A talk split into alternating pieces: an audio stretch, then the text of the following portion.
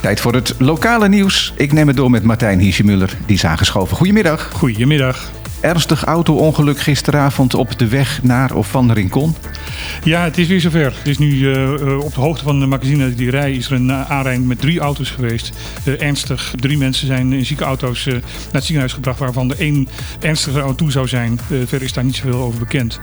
Maar ja, eh, het blijft gewoon een levensgevaarlijke weg. Ja, zeker s'avonds in het donker. Ja, en ze rijden daar als gekken. Ja, mensen halen in. Af en toe steekt er een ezel over en dan kan het zomaar helemaal verkeerd En la- aflopen. laatst reken, toen reed ik zelf 70, dus al 10 kilometer boven de maximum snelheid. En toen ging er iemand mij voorbij. Ja, die reed echt ver boven de 100. Ja, En dat gebeurt regelmatig. Ja, en als dan i- inderdaad eh, iemand anders aan de andere kant het verkeerd inschat, de snelheid, nou, dan gaat het mis.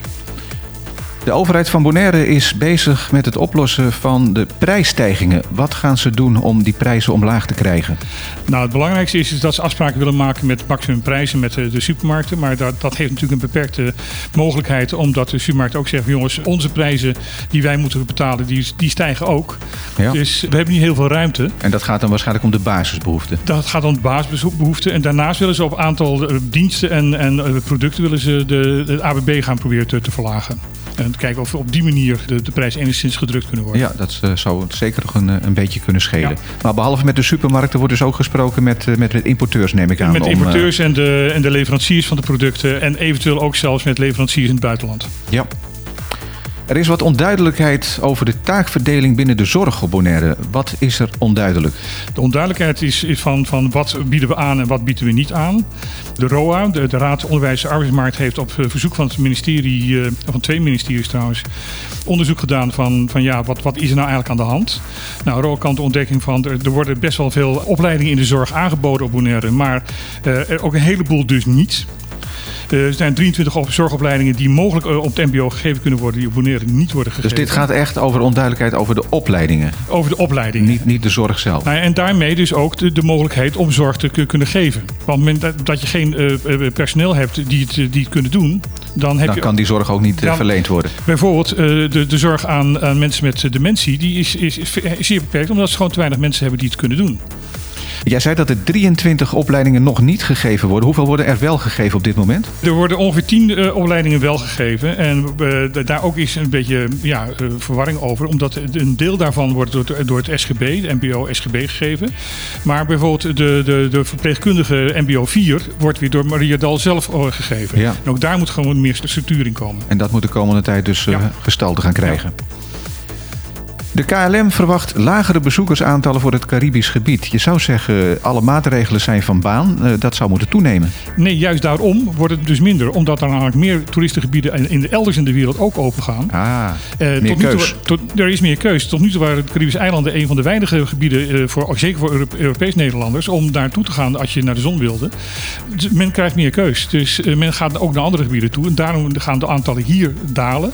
Ja, De mm, directeur van KLM hier in, in, de, re- in de regio, Dirk Buitelaar, is, maakt zich daar niet heel erg zorgen over. Zegt alleen van jongens, eh, ga vroeg boeken, want de ticketsprijzen worden wel steeds hoger. Dan, maar daar is toch ook een beetje tegenstrijdig. Als de vraag afneemt, zouden de prijzen omlaag moeten gaan. Ja, maar goed. eh, de, de- de- Hier grijpen ze gewoon elke, elke marktwerking aan om de prijs omhoog te gooien. Of de, prij, of de vraag nou op of afneemt. ja, eh, Toe of afneemt. Ik, ik, ik, ben- ik ben opgehouden om mij de logica van de prijsbeleid van, van de vliegtuigmaatschappijen... om daar eh, enigszins eh, eh, ja, logica Ja. in te vinden. Maar deze zomer is het aantal vluchten wel opgevoerd, hebben we Enorm onlangs nog opgevoerd, eh, ja. gelezen. Ja, ja, dat klopt. Dus dit is meer op de wat langere Op de termijn. lange termijn.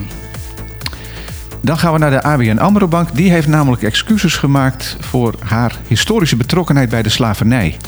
Ja, ze hebben een onderzoek laten doen waarbij blijkt dat eh, de ABN AMRO... vooral de voorgangers, eh Hoop Co. en, en Mees en Zonen... wat later eh, Ho- eh, Mees en Hoop is geworden... Ja. En daarna, dus daar is weer de ABN AMRO uit voortgekomen. En zij zijn heel erg eh, sterk betrokken geweest bij die slavenhandel.